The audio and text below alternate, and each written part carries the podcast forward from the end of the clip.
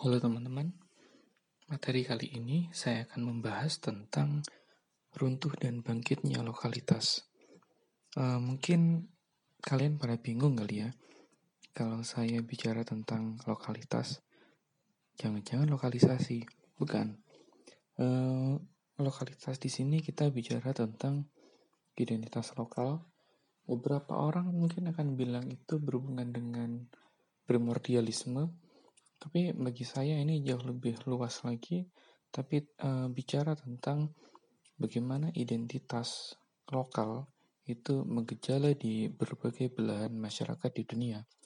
Karena kita judulnya teori sosial Indonesia, maka saya akan fokus ke uh, Indonesia. Nah, lokal, lokalitas ini kenapa sih bisa muncul? Nah, ada beberapa agenda atau ada beberapa pokok bahasan yang menjadi fokus pada petaan kita hari ini. Kita itu sebenarnya hidup dalam identitas yang seperti apa sih gitu. Kemarin uh, saya tidak akan bahas globalisasi dengan sangat dalam ya, karena globalisasi itu sudah dibahas di kajian yang seperti kapitalisme, kemudian kritiknya dari uh, kelompok sosialis atau Marxis, mereka mengkritik bagaimana kapitalisme bekerja. Dan kalau memperdalam kapitalisme, maka bagaimana mereka bekerja itu juga salah satunya andil dari globalisasi. Bagaimana orang-orang memiliki budaya yang baru atau sebut juga ada beberapa budaya yang terjadi proses asimilasi dan akhirnya itu membuat adanya budaya yang diikuti oleh seluruh orang dan akhirnya semua orang akan mengikuti itu. Nah, globalisasi itu yang membuat uh, kondisi hari kita hari ini itu seperti ini. Baju kita sama, cara berbicara, kemudian cara belajar, hampir semua kita sama. Kalian berada di ujung belahan bumi mana pun secara prinsip mirip. Ya walaupun teman-teman bisa membedakan timur dan barat. Timur itu agak tradisional, barat itu jauh lebih liberal. Bisa kita sebut seperti itu. Nah agenda kita hari ini memperdalam tentang hal itu. Uh, ada empat poin utama. Yang pertama adalah kenyataan kita hari ini yang tadi itu. Kemudian yang kedua, apa sih agenda sebenarnya dari apa uh, globalisasi dan juga kemudian munculnya Eh, lokalitas. Kemudian yang ketiga itu ketergantungan terhadap barat. Ke mana sebenarnya ilmuwan-ilmuwan sosial kita?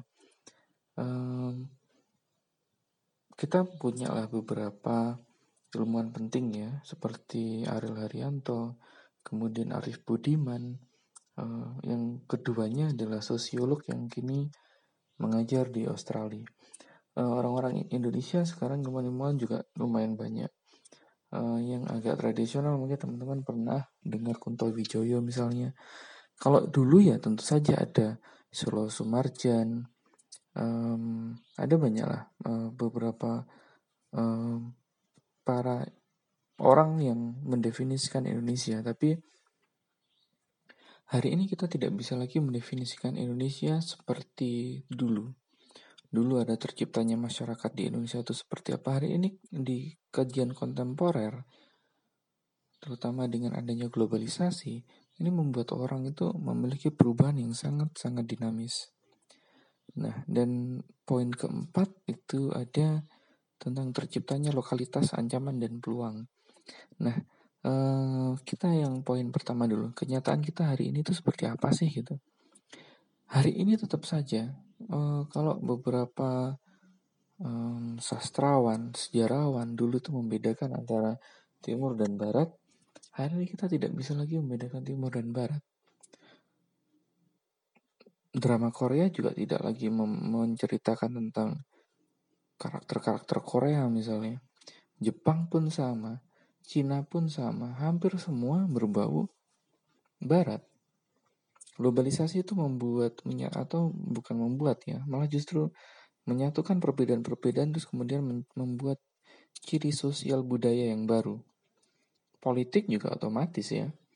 E, kalau misalnya ada strata itu administrasi publik, manajemen itu sangat mudah dirubah. Kemudian ada politik yang sedang untuk dirubah. Politik itu kita bicara tentang demokrasi, kemudian um, peranata-peranata politik, lembaga-lembaganya. Nah, kalau kita bicara sosial tuh paling susah itu dirubah. Nah, perubahan sosial itu yang harus kemudian uh, selama kurang lebih 60 tahun ini setelah atau terutama yang paling utama itu 30 tahun belakangan ini setelah komunisme runtuh di Uni Soviet maka hampir semua berbau kapitalis dan akhirnya di didorong oleh gelombang globalisasi. Teman-teman bisa baca bukunya Joseph Stiglitz tentang making democracy uh, making globalization work. Di situ si Stiglitz akan menjelaskan sangat dalam sekali tentang globalisasi. Mungkin teman-teman akan bicara, kita akan diskusi ini di mata kuliah yang lebih jauh ya. Tapi yang pasti um, seiring dengan administrasi publik itu ada di Indonesia, maka kita harus menyesuaikan itu dengan konteks Indonesia. Itu yang paling utama dari mata kuliah ini sebenarnya.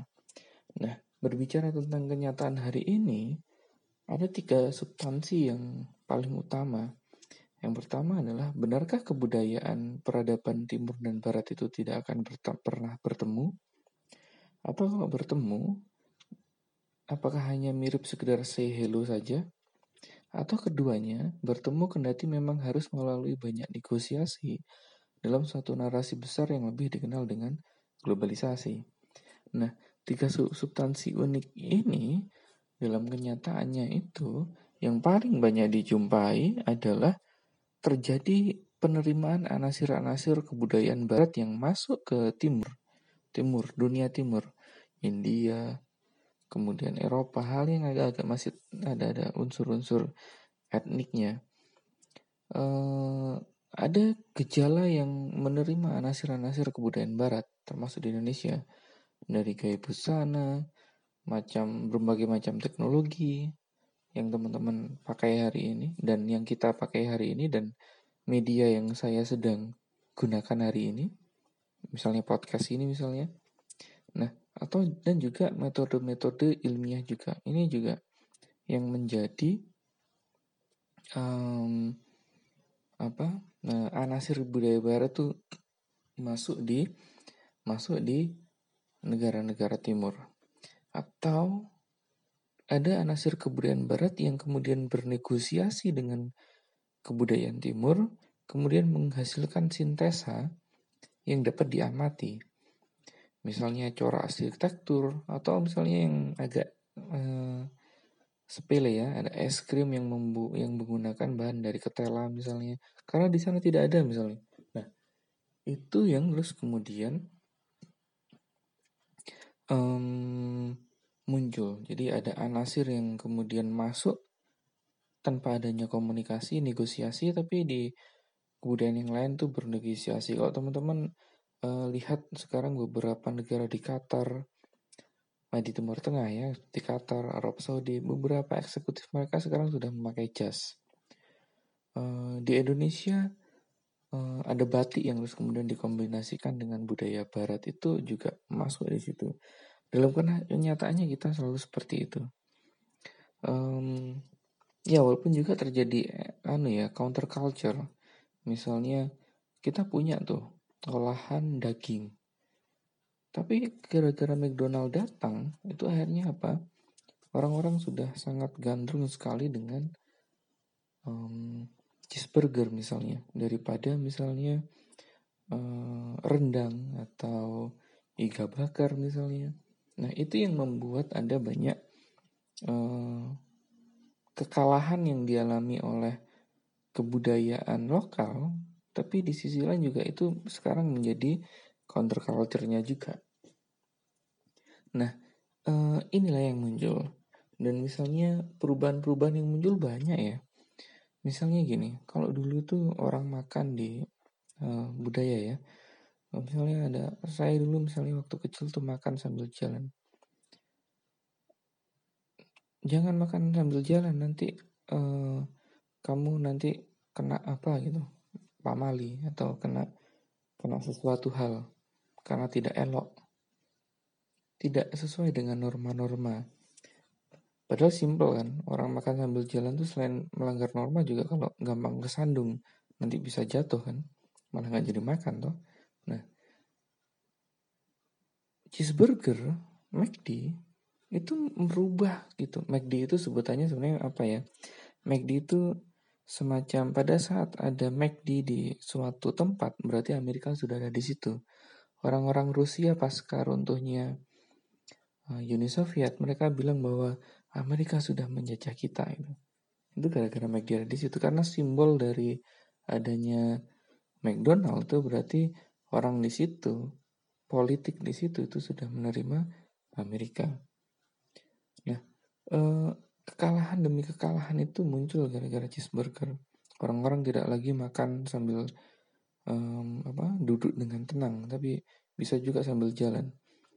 Dan itu merubah banyak hal. Misalnya yang tadi yang, yang uh, sorry keputus ceritanya, uh, make big apa cheeseburger tadi kalau kita lihat di banyak uh, cara pekerja kantoran sekarang bekerja karena mereka pagi buru-buru mereka langsung belok ke uh, gerai McDonald terus kemudian mereka beli satu uh, apa ya mungkin McMuffin atau untuk sarapan atau cheeseburger mungkin mereka belok untuk beli cheeseburger terus kemudian mereka makan sambil jalan karena mereka mengejar waktu gara-gara satu kejadian itu Orang yang sedang makan cheeseburger suatu saat pada saat ditegur oleh orang lain dengan norma-norma sosial yang ada, barangkali mereka dia akan berpikir bahwa jangan-jangan sama kayak saya makan burger.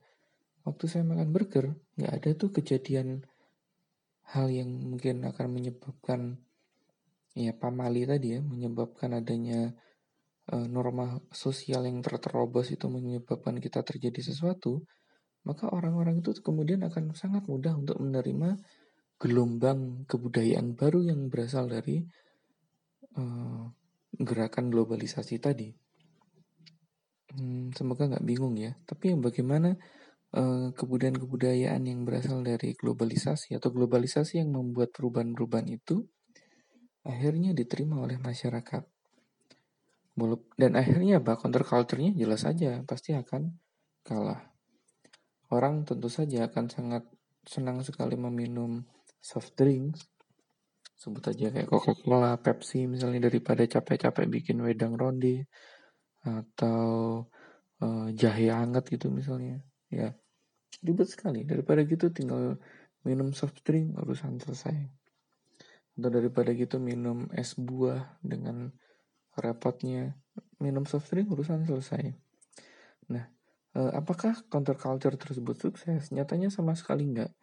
Um, ada semacam indeks uh, who is doing good. Ini ada uh, top 20 good company.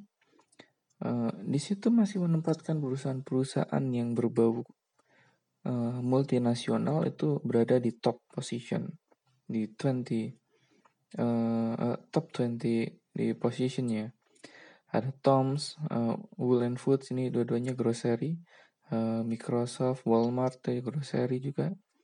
Ada Starbucks. Coba tuh teman-teman lihat tuh. Orang pergi ke Starbucks, kemudian di situ orang Indonesia itu kemudian berubah. Minum sambil jalan. Orang ke Starbucks tuh beli uh, satu gelas kopi terus kemudian sambil pergi berjalan untuk pergi ke kantor misalnya atau kuliah misalnya di Indonesia enggak sih. Uh, di Indonesia agak aneh ya. Kalian pergi ke mana misalnya? Ke mall, ada Starbucks di situ orang-orang malah nongkrong nggak laptop, itu enggak. Starbucks nggak diciptakan seperti itu. Tapi budaya untuk minum kopi terus kemudian muncul.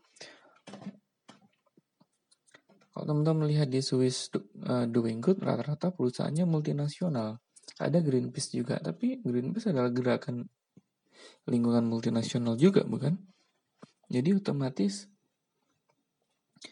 eh, hal-hal yang agak kebaratan terus kemudian uh, terus ada di situ. Greenpeace misalnya di Indonesia sudah banyak Greenpeace gerakan-gerakan lingkungan dari masyarakat-masyarakat lokal banyak. Orang Baduy, suku-suku di pedalaman itu juga banyak. Kita tuh cuma melupakan aja orang-orang tradisional kita tuh karena kemudahan yang ditawarkan dari industri pabrik, manufaktur misalnya itu membuat ribet.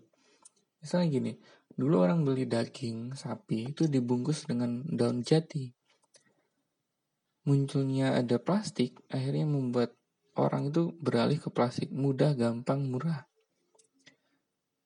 Dan akhirnya apa?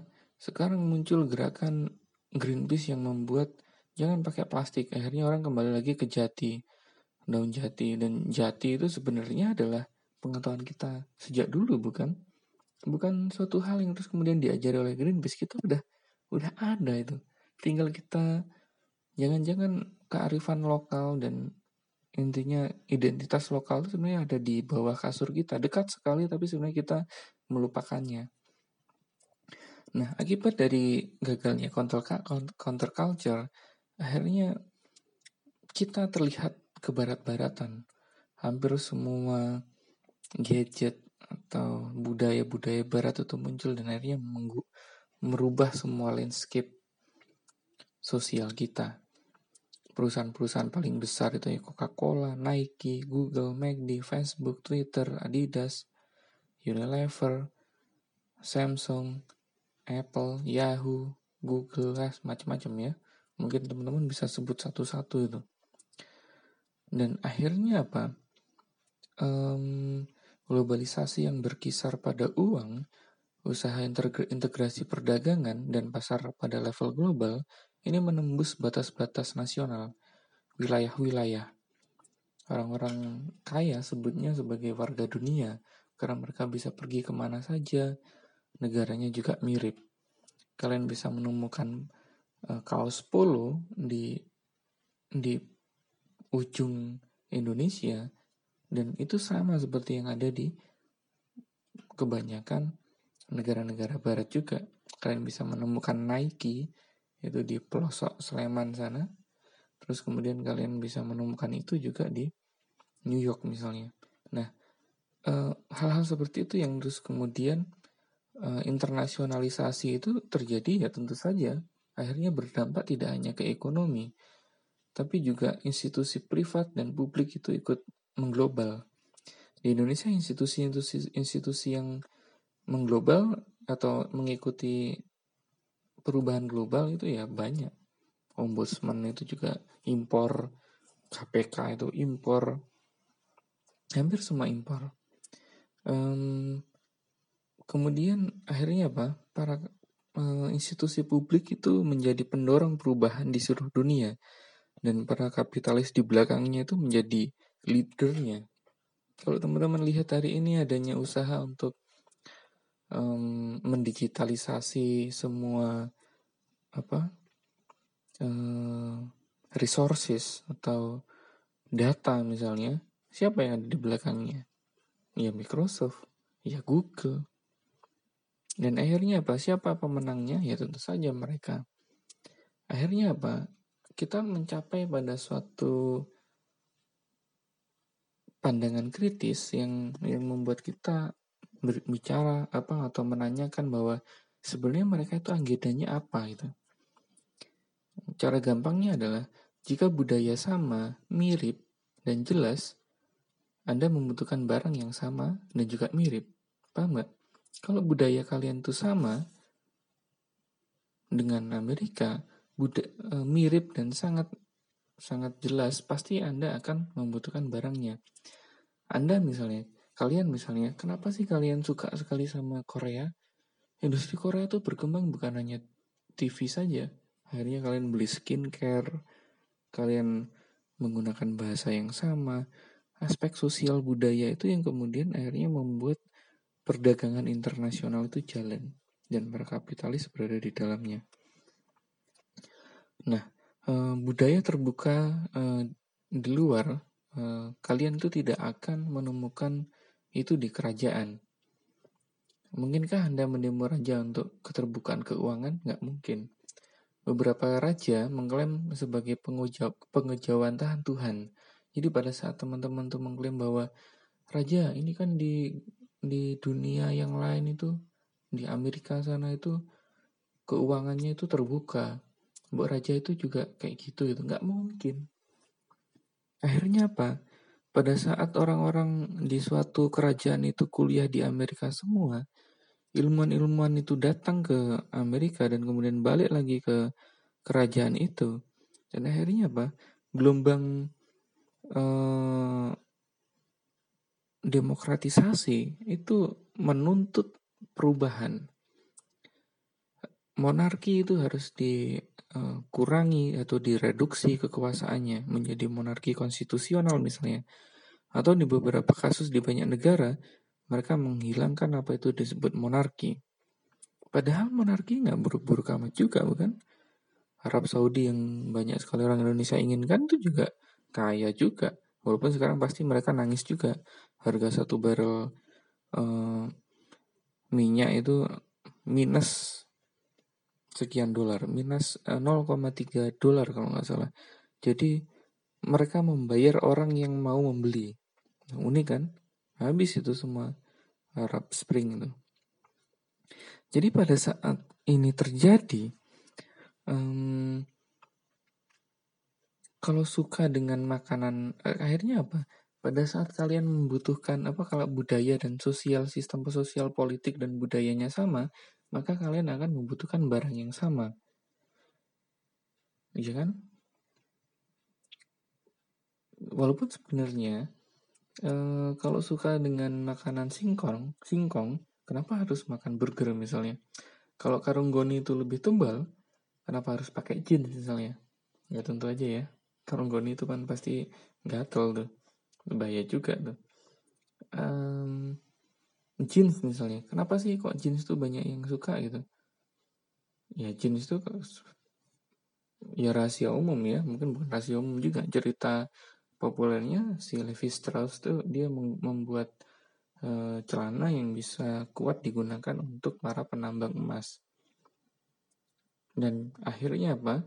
Dan itu mengejala di semua tempat dan akhirnya dia bisa berdagang di luar Amerika.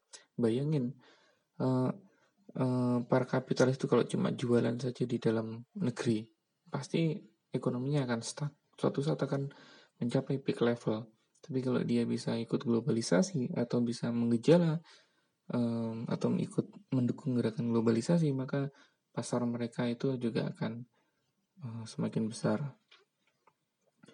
Intinya adalah rubah dulu budayanya, maka barang-barang itu akan terbeli. Rubah dulu uh, kesukaannya, yang sebelumnya kalian suka FTV, sekarang sukanya drama Korea, maka kalian akan bergaya berpenampilan seperti orang-orang Korea itu. Kalau kita belum bicara industri pop ya, tapi sejak dulu yang paling kuat untuk merubah budaya itu ya tentu saja Hollywood. Ya, sekarang ada Google, ada Netflix, ada wah banyak tuh. Dulu cuma HBO aja.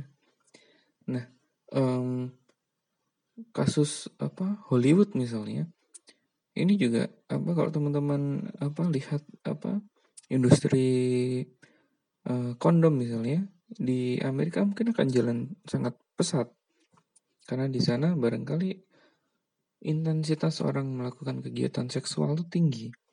Pada saat kondom baru masuk ke Indonesia tahun 70 60 60 70 awal-awal program KB rencana mereka karena jumlah orangnya banyak sekali maka Indonesia adalah pasar paling besar uh, kondom bagi mereka. Tapi ternyata setelah masuk ke Indonesia, orang-orang di eh, orang-orang dari Amerika, para pengusaha-pengusaha dan investor mereka kaget ternyata penjualannya sangat rendah. Kenapa di Indonesia untuk untuk melakukan hubungan seksual itu harus melalui institusi yang disebut dengan pernikahan atau institusi keluarga. Itu yang terus kemudian buat mereka berpikir bahwa wah Indonesia kok kayak gini dan akhirnya kondom mereka nggak laku. Apa yang mereka bisa usahakan adalah merubah uh, sedikit demi sedikit sosial budayanya. Yang sebelumnya mereka kampanye untuk kontrasepsi pernikahan lama-lama kemudian direduksi, direduksi, direduksi. Kalau teman-teman ingat uh, iklannya Julia Perez itu sama Gaston Castanyo itu, kalian sudah nggak generasi generasi sekarang yang mungkin lahir 2000-an ke atas udah nggak tahu lagi um, iklan kondom dulu yang di atas jam 9 tuh pasti bilang bahwa hubungan suami istri itu harus menggunakan ini gitu misalnya. Tapi hari ini kalian lihat sebelum berhubungan dengan pasangan kalian harus menggunakan ini dan akhirnya apa gara-gara suami istri direduksi ke pasangan akhirnya industri uh, kondom itu menjadi sangat pesat sekali. Hari ini merek-merek itu banyak sekali.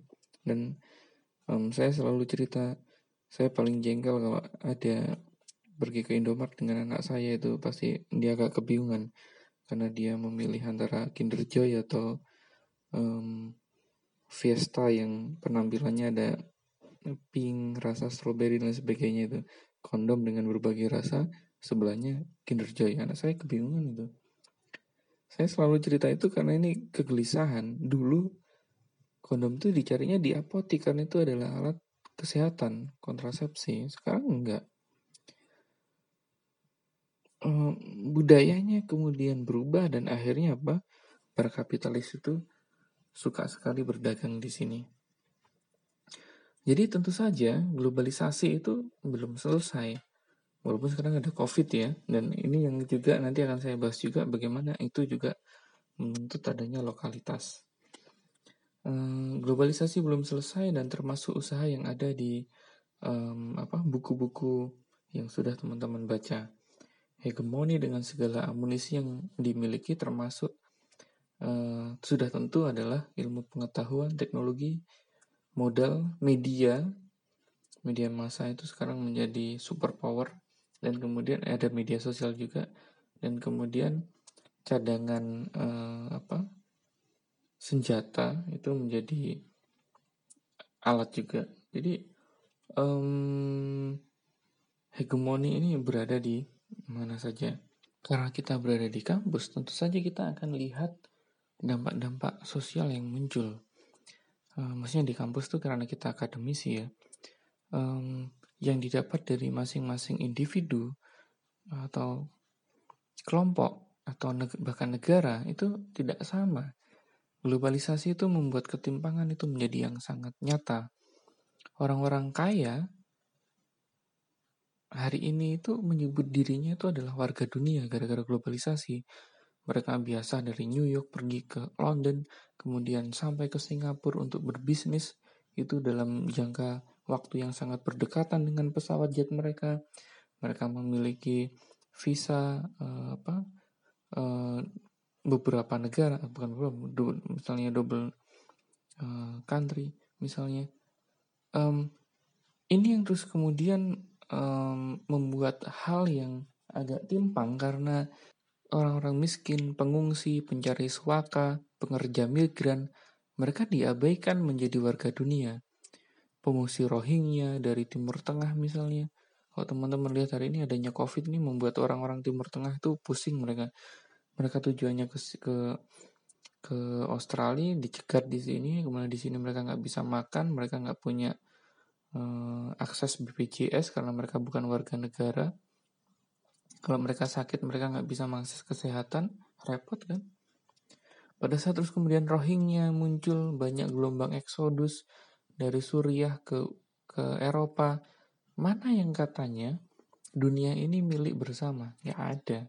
Dan akhirnya apa? Uh, ini tereksklusif uh, menjadi sangat eksklusivitasnya hanya kepada orang-orang kaya yang men bisa menikmati globalisasi. Tapi di layer yang lain, di lapisan yang lain, orang-orang miskin pencari suaka itu ya mereka berdiam diri di pojok dunia dan mereka ya ya sudah gitu mereka tertinggalkan saja jelasnya adalah uh, aspek sosial politik yang berubah tadi itu menyebabkan dorongan ekonomi yang kuat juga dan akhirnya membuat globalisasi ini penuh ketimpangan teman-teman wajib untuk membaca bukunya Stiglitz Making uh, Globalization Work nah berpihak pada kepentingan umum namun, namun tidak berpihak uh, kecuali secara kebetulan pada kepentingan dan prinsip keadilan sosial, kelestarian ekologi, uh, kemudian terhadap hak asasi manusia. globalisasi penuh dengan ketimpangan. Di sisi yang lain, eh, di apakah selamanya demikian? Nah, ilmu ilmu ilmu sosial berdasarnya mempelajari kehidupan manusia dengan segala tingkah lakunya, perangainya yang sangat berbeda. Tapi lucunya, globalisasi itu membuat juga ilmu pengetahuan itu menjadi didominasi oleh orang-orang barat juga. Yang padahal sama sekali tidak relevan. Uh, kalau teman-teman ingat bagi uh, saya yang kemarin di di pembahasan tentang agama misalnya uh, yang ditulis oleh Clifford Geertz uh, The Religion of Java yang bicara tentang membagi orang apa agama di Jawa atau masyarakat Jawa itu menjadi tiga abangan, priayi dan juga santri uh, dalam dalam konteks yang sangat ketat kaku ya uh, saya kira itu bisa dengan sangat gampang atau perlu untuk kita kritisi bareng-bareng. Ya mungkin saja Clifford Geertz salah. Atau justru benar. Tapi nyatanya adalah karena Clifford Geertz itu adalah orang internasional dan kemudian mereka di, dia dipercayai, itu membuat orang Indonesia terlihat seperti itu. Dan lucunya orang Indonesia itu mengamini Clifford Geertz bahwa mereka terbagi dalam tiga itu. Padahal hari ini Maruf Amin itu menjadi wakil presiden, di mana dia adalah santri. Saya orang abangan nggak pernah menjadi santri. Kemudian saya menjadi dosen, menjadi menjadi priayi suatu saat misalnya menjadi pejabat. Nah, konteks seperti ini tidak tergambarkan oleh Gertz yang akhirnya membuat kita berpikir bahwa para Indonesianis ini mereka omong kosong sebenarnya. Mereka nggak tahu yang harus harusnya kita lah yang menjelaskan siapa kita sebenarnya. Nah, Indonesia dan hampir banyak negara yang baru merdeka pasca Perang Dunia Kedua mengalami hal yang sama. Eh, banyak orang-orang Barat yang kemudian mendefinisikan orang di di negara atau wilayah tersebut itu seperti apa. Kalau teman-teman ingin belajar tentang bagaimana sistem apa bagi hasil pertanian di Jawa di Indonesia ya, misalnya mau menganalisir di pertanian di Jawa itu paling bagus belajar sama Ben White. Dia adalah um, orang Belanda yang mengajar sehingga saya kalau nggak di Amsterdam di Leiden. Nah, kalau teman-teman lihat di situ, maka orang yang sangat ahli pertanian Jawa itu adalah orang Belanda. Dan akhirnya apa? Bukan hanya di bidang uh, ekonomi saja, tapi di bidang pengetahuan pun akhirnya apakah harus selalu seperti itu? Hari ini kalau teman-teman baca tulisan saya, baca tulisan orang-orang Indonesia di jurnal internasional, itu wajib untuk melihat sudut pandang itu dari orang-orang internasional. Ada satu profesor kanan di um, NUS, uh, National University Singapura, Prof. Khalid Alatas. Um, beliau senang sekali pergi uh, datang ke apa ke FIS ke UNY. Um, beliau uh, selalu kam, saya saya pernah tanya ke beliau um, saya tanya tentang gini uh, kenapa sih kita sangat tergantung sekali dengan ilmuwan-ilmuwan barat itu? Yang dia nah dia ini backgroundnya orang Malaysia kemudian kerja di Singapura jadi profesor di Singapura. Dia bilang bahwa orang-orang seperti kita di negara-negara berkembang itu kesulitan untuk bagaimana relevan dengan globalisasi dengan globalisasi ilmu ilmu sosial dan itu yang membuat kita menjadi sangat uh, rendah. Kalau orang barat bicara tentang Asia itu A, maka hampir semua orang di dunia itu akan menyetujui bahwa Asia itu seperti A. Tapi suatu saat ada orang Asia yang bilang bahwa oh enggak, saya dan kami itu adalah B, orang itu belum tentu percaya. Karena tidak yakin bahwa berbagai parameter untuk mengcapture orang Asia jangan-jangan salah gitu. Padahal yang perlu kita pikirkan bukan itu. Yang perlu kita pikirkan adalah masalah relevansi. Mungkin nggak seorang profesor yang tinggal di megapolitan New York sambil ngopi bicarain tentang Indonesia dan kemudian uh, apa bicara apa uh, yang sangat-sangat berbeda sekali dengan orang-orang misalnya wilayah pantai di Bantul itu berkaitan. Enggak kan? Relevansinya apa? Apa lagi apa apa relevansi teori-teori hasil penelitian yang dihasilkan dari masyarakat-masyarakat negara maju atau kaya yang di sana satu cangkir kopi itu seharga 5 dolar atau 7 dolar sekarang ya untuk menjelaskan re realitas gejala masyarakat di kita yang dalam yang di dalamnya ada keluarga yang berpendapatan kurang dari itu dalam seharinya relevan nggak? Di Indonesia pendapatannya ada yang satu dolar dua dolar per hari. Tapi ada orang yang sangat sok tahu di New York sana yang satu cangkirnya kopi harian paginya itu aja uh, harganya 7 dolar, kemudian menjelaskan bahwa mereka paling tahu kita. Nah, itu yang perlu kita kritiki.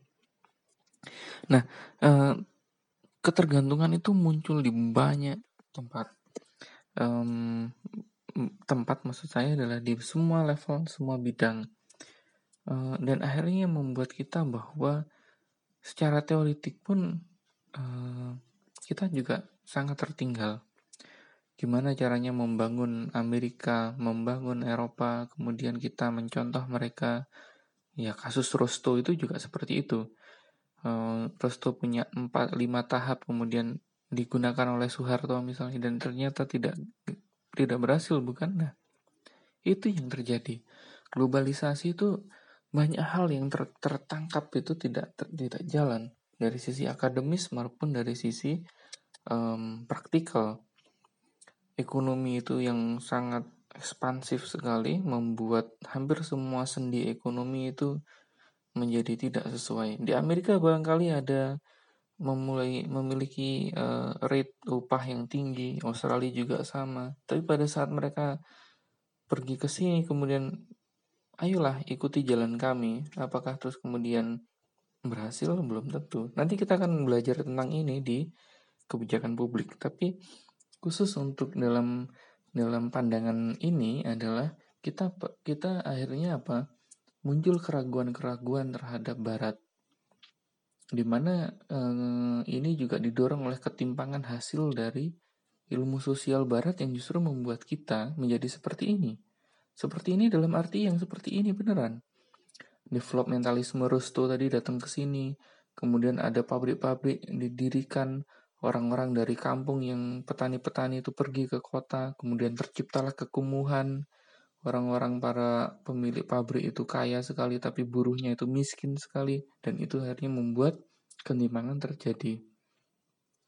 Dan itu tidak hanya di Indonesia, itu terjadi di seluruh dunia. Dan itu yang kemudian globalisasi itu membuat dampak besar itu tentang identitas lokal yang yang ada di di banyak belahan dunia itu terbelah dari pola pikir uh, hingga kebiasaan sehari-hari. Manifestasi lokalisasi terus kemudian muncul.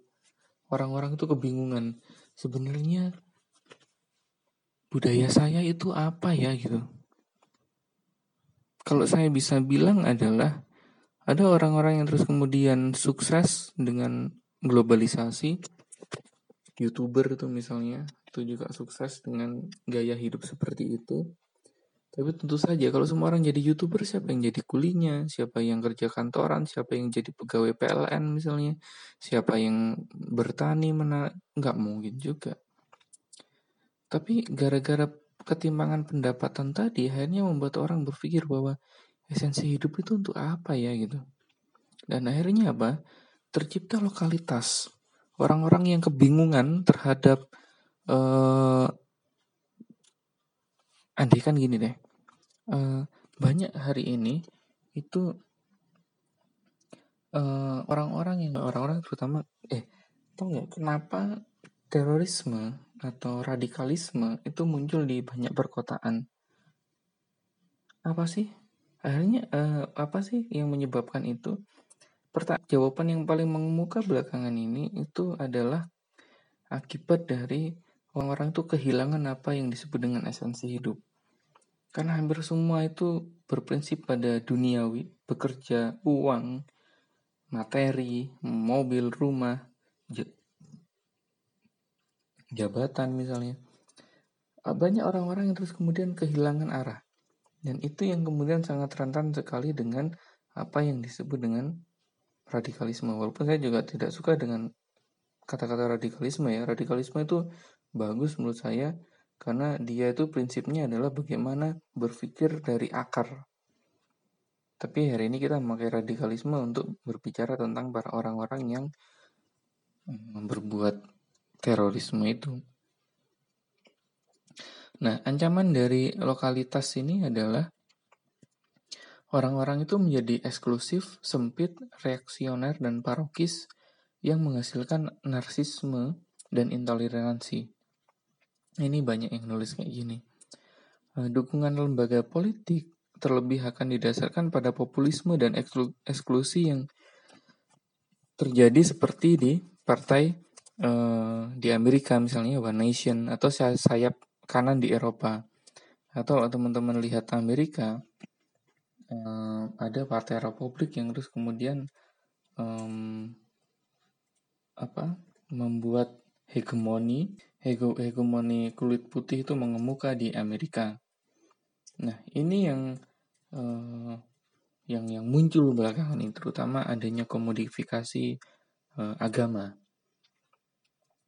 Orang-orang itu kemudian berkumpul karena mereka kebingungan dan akhirnya mereka membentuk uh, apa semacam perkumpulan Nah, eh, partai sayap kanan misalnya di Eropa itu menghubungkan persepsi bahwa globalisasi itu melahirkan partai yang tidak memiliki relevansi dengan kebutuhan lokal mereka. Nah, kalau teman-teman baca aja bukunya termasuk seperti McDonaldisasi masyarakat, uh, McDonaldization of Society itu George Reiser. Kalian baca aja itu uh, buku tambahan ya. Nah, uh, pada saat globalisasi itu muncul, orang-orang itu kebingungan. Di sisi lain mereka terhimpit masalah ekonomi sosial tadi banyak yang berubah, tapi di sisi lain yang paling penting adalah mereka kehilangan jati diri.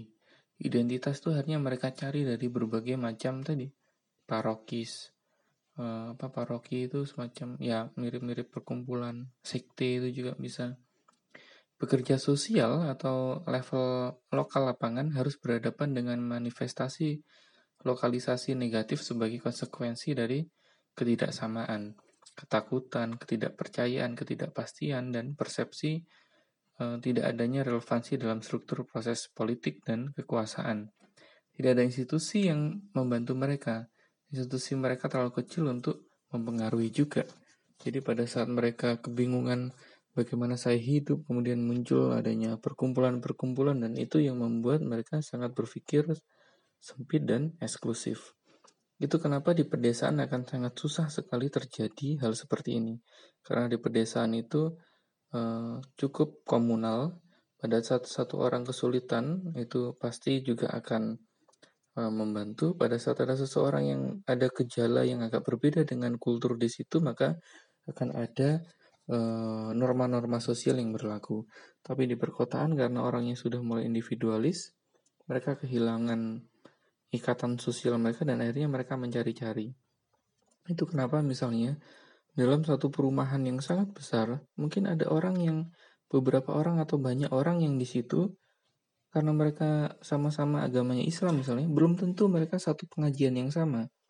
Mereka bisa datang pengajian di berbagai macam belahan, uh, bukan belahan ya, berbagai daerah di Indonesia.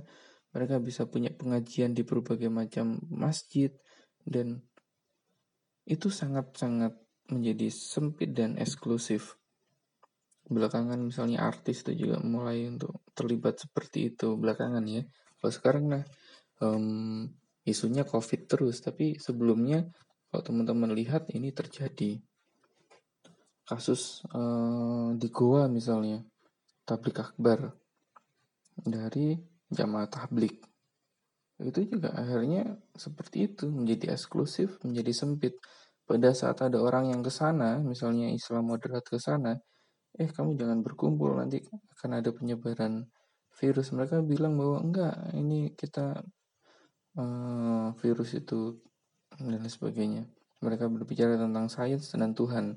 Dan akhirnya ya seperti itu. Banyak sekali dari mereka yang positif COVID-19 dan akhirnya mereka masuk uh, karantina. Dan itu memperburuk keadaan. Dan beberapa dari mereka adalah uh, warga negara asing dan itu membuat kita malah justru beban kita menjadi lebih besar. Itu yang terjadi. Nah tapi selain dari ancaman lokalisme itu yang paling saya suka itu dari sisi potensi. Nah, lokalitas masyarakat itu sebenarnya sudah ada sejak dulu. Jadi um, dulu misalnya ini juga karena saya juga concern saya tentang lingkungan, ya, ya otomatis bicara tentang agama itu juga muncul dulu. Uh, kalau di Aceh itu yang paling terkenal uh, cerita tentang Semong cerita tentang apa uh, sebuah lagu yang berisi tentang cerita uh, lokal uh, tentang tsunami. Kalau ada air itu surut terus kemudian kalian harus cepat lari ke bukit. Nah di pulau seperti apa uh, Semelu itu mereka sangat erat untuk menyanyikan itu, tapi daerah Aceh yang lain itu sudah melupakan itu. Dan kebanyakan dari mereka di Semelu yang jumlahnya uh, apa pulau itu yang terkena tsunami tahun 2004, mereka baik-baik saja. Beberapa orang yang meninggal itu hanya orang-orang tua saja, tapi di Aceh mereka yang sudah berpendidikan modern ya udah mereka tidak lagi bercerita tentang itu. Prinsip-prinsip misalnya seperti uh, apa mitigasi bencana misalnya itu kalau di Indonesia uh, sekarang sudah mulai diterapkan kearifan lokal. Pengetahuan-pengetahuan lokal itu digali lagi gara-gara apa? Hampir semua daerah di Indonesia menerapkan sistem uh, modern berbasis pengetahuan Amerika Jepang itu gagal. Yang sebenarnya adalah identitas atau uh, pengetahuan lokal itu malah justru jauh lebih dalam daripada orang-orang yang berasal dari luar itu pengetahuan dari luar. Karena aja jelas uh, pengetahuan tentang daerahnya itu kan pasti diketahui oleh orang situ berabad-abad. Itu kenapa mereka hafal sekali.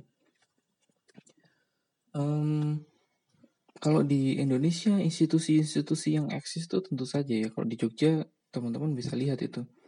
Misalnya gini pada saat ada usaha globalisasi yang membuat banyak negara menjadi demokrasi, maka pada saat di Keraton Jogja didorong untuk dilak untuk diterapkannya globalisasi itu menjadi atau uh, demokrat demokrasi itu menjadi sangat tidak relevan. Karena apa? Sultan di situ sudah eksis dan saya kira nggak ada masalah dengan sultan, walaupun dari sisi politik tetap saja ada di Indonesia lembaga-lembaga lokal itu muncul. Pesantren kemudian kalau di Papua itu ada MRP Majelis Rakyat Papua. Itu digunakan untuk mewadahi eh, para tetua-tetua adat di eh, Papua. Jadi di Papua itu selain ada DPR ada juga MRP DPR itu diisi parpol tapi MRP diisi oleh para tetua adat atau raja-raja adat. Nah uh, itu yang us hari ini usaha untuk lokalitas itu muncul di situ walaupun di sisi lain ada faktor yang cukup sempit tadi uh, adanya paroki, sekte dan sebagainya yang membuat radikalisme tadi. Tapi di sisi lain ada beberapa potensi-potensi besar tentang lokalitas itu.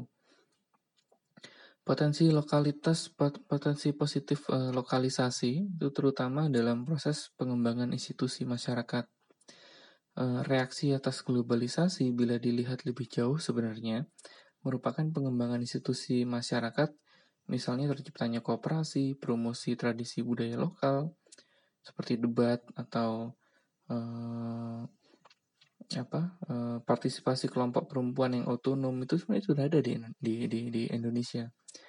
Uh, jika globalisasi rentan dan tidak stabil, eh, tidak stabil, inisiatif berbasis masyarakat itu harus dikembangkan.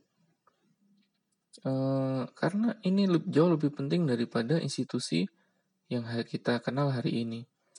Gini deh, uh, kalau mau kita hubungkan dengan krisis kita hari ini, tentu saja tidak bisa relevan. Karena apa? Gini, uh, kasus hari ini hampir semua perusahaan itu KO. Orang-orang yang pergi ke kota sekarang pulang kampung. Ya ingat ya, pulang kampung itu katanya Jokowi beda sama mudik. Nah, hampir semua pulang kampung karena uang uangnya udah nggak ada lagi di kota usaha mereka itu udah udah kolaps. Para pekerja bangunan yang dari desa ke kota itu sudah kolaps. Akhirnya apa? Mereka pulang kampung. Kalau teman-teman lihat di sini eh, globalisasi, kemudian eh, terutama globalisasi perdagangan itu menjadi sangat-sangat rapuh kalau terjadi krisis seperti ini. Ini sudah terjadi panjang ini. Tahun 1930 terjadi depresi besar sebelum Perang Dunia Kedua. Hampir semua negara-negara itu uh, ekonominya turun. Tahun 2008 juga pernah uh, bubble ekonomi ya, gara-gara properti di Amerika. Nah, hari ini kita uh, pada saat ada COVID ini tiba-tiba hampir semua rentan. Ketahanan pangan kita rentan, ketahanan kesehatan apalagi. Nah, pada saat kita bicara tentang institusi lokal atau uh, kearifan lokal atau bahkan misalnya kita bicara tentang lokalitas, akhirnya apa? Uh, kita akan menemui kenyataan bahwa itu sangat kuat. Harmonisasi di tingkat lokal itu sangat kuat. Di desa-desa itu nggak ada namanya kemiskinan yang sangat parah sekali. Tapi di kota-kota itu sekali mereka jatuh miskin, jatuh miskin beneran. Uh, nilai ini penjelasannya ya. Pada saat nilai saham dan investasi jatuh, tenaga kerja sulit, nah ide-ide lokal atau pengetahuan lokal itu menjadi sangat menjanjikan, termasuk membuat kelembagaan ekonomi. Dulu itu kenal dikenalnya seperti lumbung padi misalnya, eh, apa mereka bikin lumbung kalau misalnya ada pagebluk atau pandemi itu mereka akan menggunakan lumbung itu di Jogja itu membuat uh, sayur beberapa warna itu saya lupa 7 atau 9 warna Tujuannya apa? Sayur itu di, di, bisa dimakan dengan jangka waktu yang sangat lama. Jadi kalau kita nggak keluar rumah pun itu bisa bisa terjadi. Jadi nggak perlu misalnya gini. Sekarang misalnya gara-gara hampir semua orang itu pe menjadi pekerja di institusi kapital, padat modal, hotel, pariwisata itu ya saya ini, ini di sisi positif dari lokalisa, lokalisasi ya lokalitas ya um, kita lihat bahwa um, institusi itu sangat rapuh. Tapi kalau teman-teman ingat zaman dulu orang-orang itu punya lumbung padi di setiap dusun.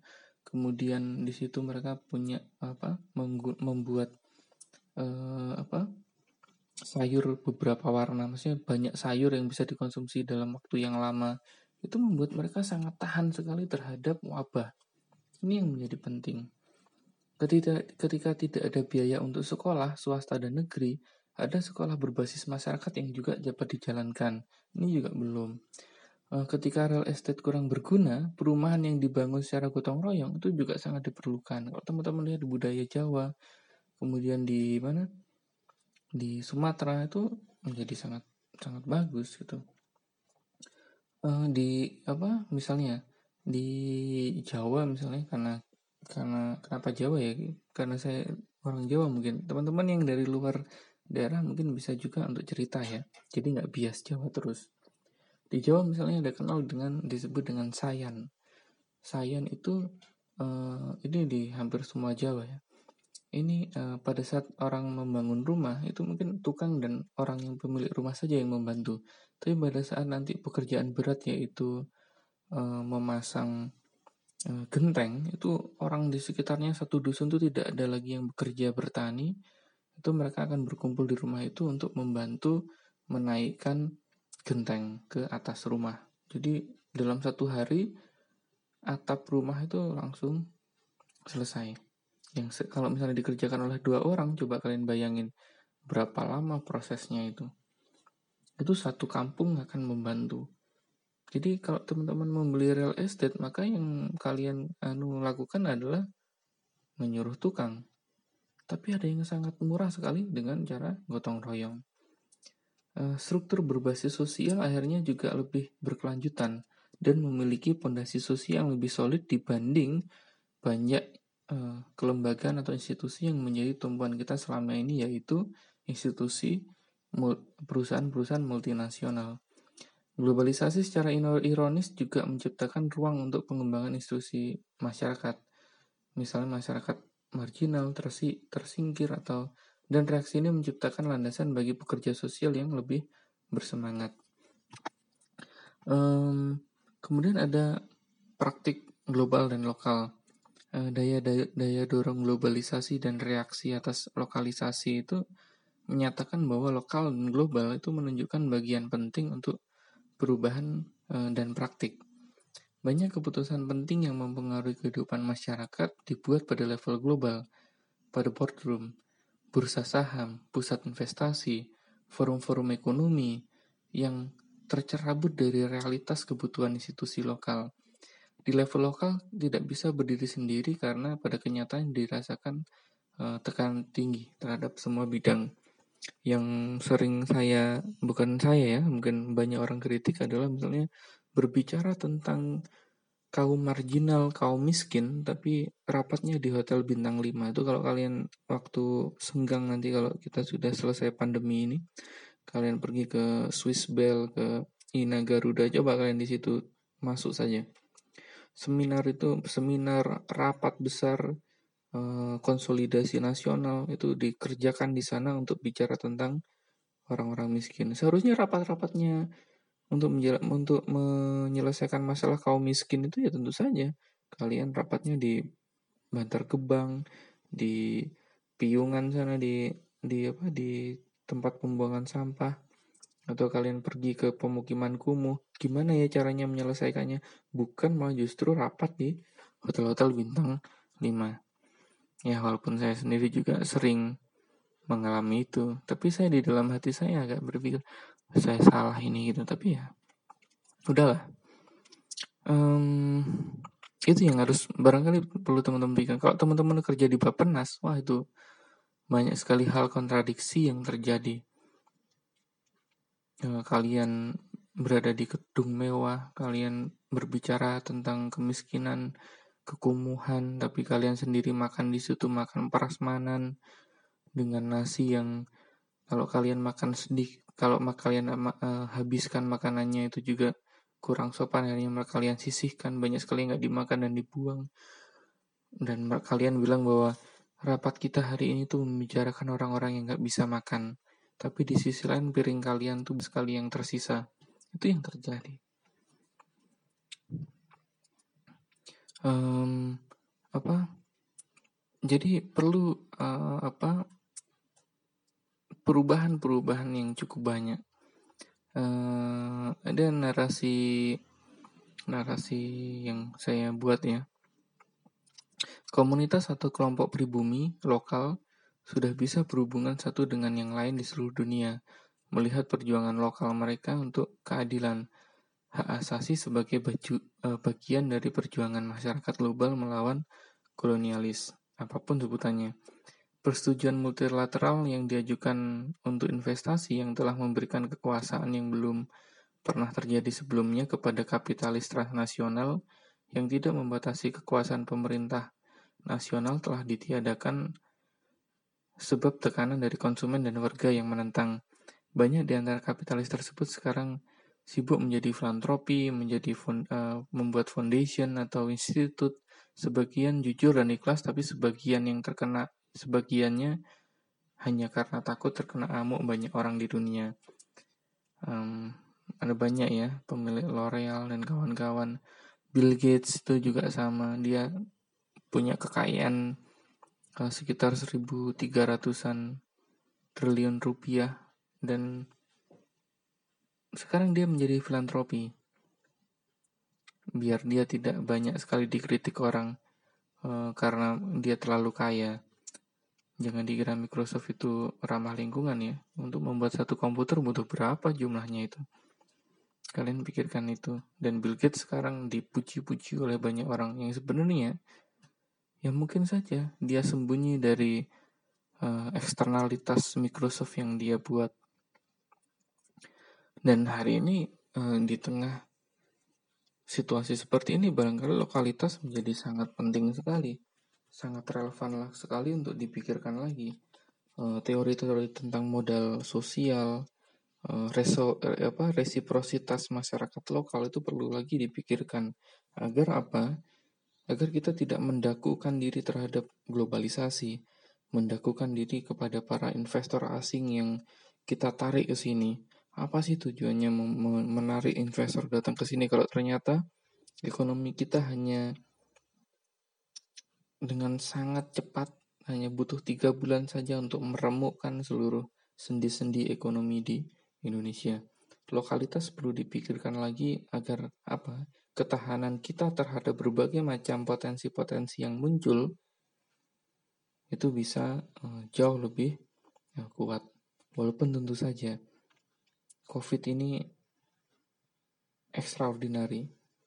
Uh, belum tentu satu abad apa satu abad itu orang bisa abad ini uh, ya kita mungkin terpilih kita berada di garis sejarah itu tapi di sisi lain ya memang uh, kalau kita lihat berita-berita belakangan ini itu banyak ada orang yang mati karena mereka kelaparan nggak bisa kerja. Ada orang yang tidak makan beberapa hari dan itu di blow up oleh di blow up oleh media. Dan membuat kita berpikir bahwa jangan-jangan harmonisasi harmonis harmonisasi sosial di pedesaan itu hanya mitos saja. Kalau di kota tentu sudah hilang, tapi kalau di desa di tengah situasi seperti ini jangan-jangan juga menghilang juga. Saya nggak tahu juga.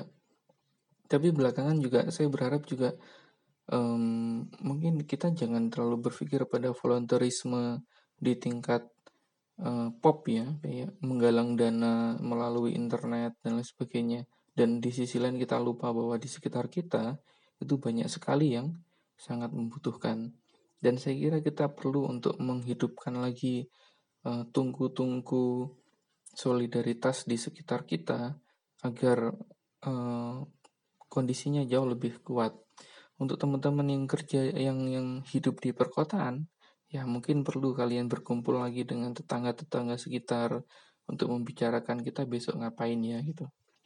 Itu yang belum mungkin dipikirkan. Di kampung saya sekarang um, di Sleman dan kita sebelumnya belum berpikir kemarin um, saya ya saya bukan orang bukan orang apa-apa di, di di kampung ya karena kampung itu juga ada oligarki politiknya juga Pak RT, Pak RW, tetua-tetua itu adalah pemegang oligarkinya. Karena saya ya orang-orang hanya orang baru saja, saya hanya berbilang bahwa barangkali di sini uh, yang saya lihat banyak orang yang juga pasti akan sangat rentan terhadap tidak bekerja selama dua bulan ini, jadi mungkin perlu uang kas itu perlu kita gunakan untuk membeli gabah atau beras. Kita timbun saja nggak apa-apa bareng-bareng uh, apa kita cari sedikit demi sedikit hari per hari. Suatu saat kalau semua orang memang tidak bisa bekerja karena semua yang sangat rentan sekali maka kita bisa menghidupkan lumbung itu ya saya hanya hanya usul saja belakangan ini beberapa tetua itu mau menerima usul yang sebelumnya tentu saja orang baru seperti saya, entah saya profesor, entah saya perwira TNI, ya orang-orang itu nggak akan dengerin saya. Karena siapa sih kamu gitu? Karena itu tadi, oligarki di kampung itu. E, misalnya kayak kasus yang saya jengkel sekali itu ya tentang itu. Bantuan sosial yang dari pemerintah, karena pendataannya ada di RT dan RW, dan sekali lagi itu adalah para oli, oli apa oligarki e, kampung atau desa atau dusun mereka yang menentukan siapa yang berhak dan siapa yang tidak. Dan itu membuat saya juga berpikir bahwa lokalitas itu memang harus diupayakan, tapi kita perlu juga mungkin mengedit kondisi yang sudah ada. Ada di suatu desa kepala desanya berkali-kali kalau nggak gitu pindah ke anaknya dan semua dikontrol oleh mereka. Siapa yang bisa makan yang tidak itu dikontrol oleh mereka. Itu buruk sekali. Banyak yang perlu kita pikirkan tapi barangkali itu bisa kita diskusikan. Apakah lokalitas harmonisasi di Indo eh, lokal di Indonesia itu masih bisa kita harapkan. Mungkin demikian podcast saya untuk materi uh, kali ini. Kalau begitu, oh iya, karena besok beberapa hari lagi, mungkin tanggal 24 itu adalah puasa, maka saya ucapkan selamat berpuasa bagi teman-teman yang menjalankan dan selamat ya nggak banyak selamat ya karena kalau bulan puasa tuh apa pun agamanya itu juga banyak sekali jajanan yang ada di sekitar kita. Tapi di tengah kondisi seperti ini ya sangat sangat um, apa ya dilematis. Kalau gitu uh, sampai jumpa di materi berikutnya. Wassalamualaikum warahmatullahi wabarakatuh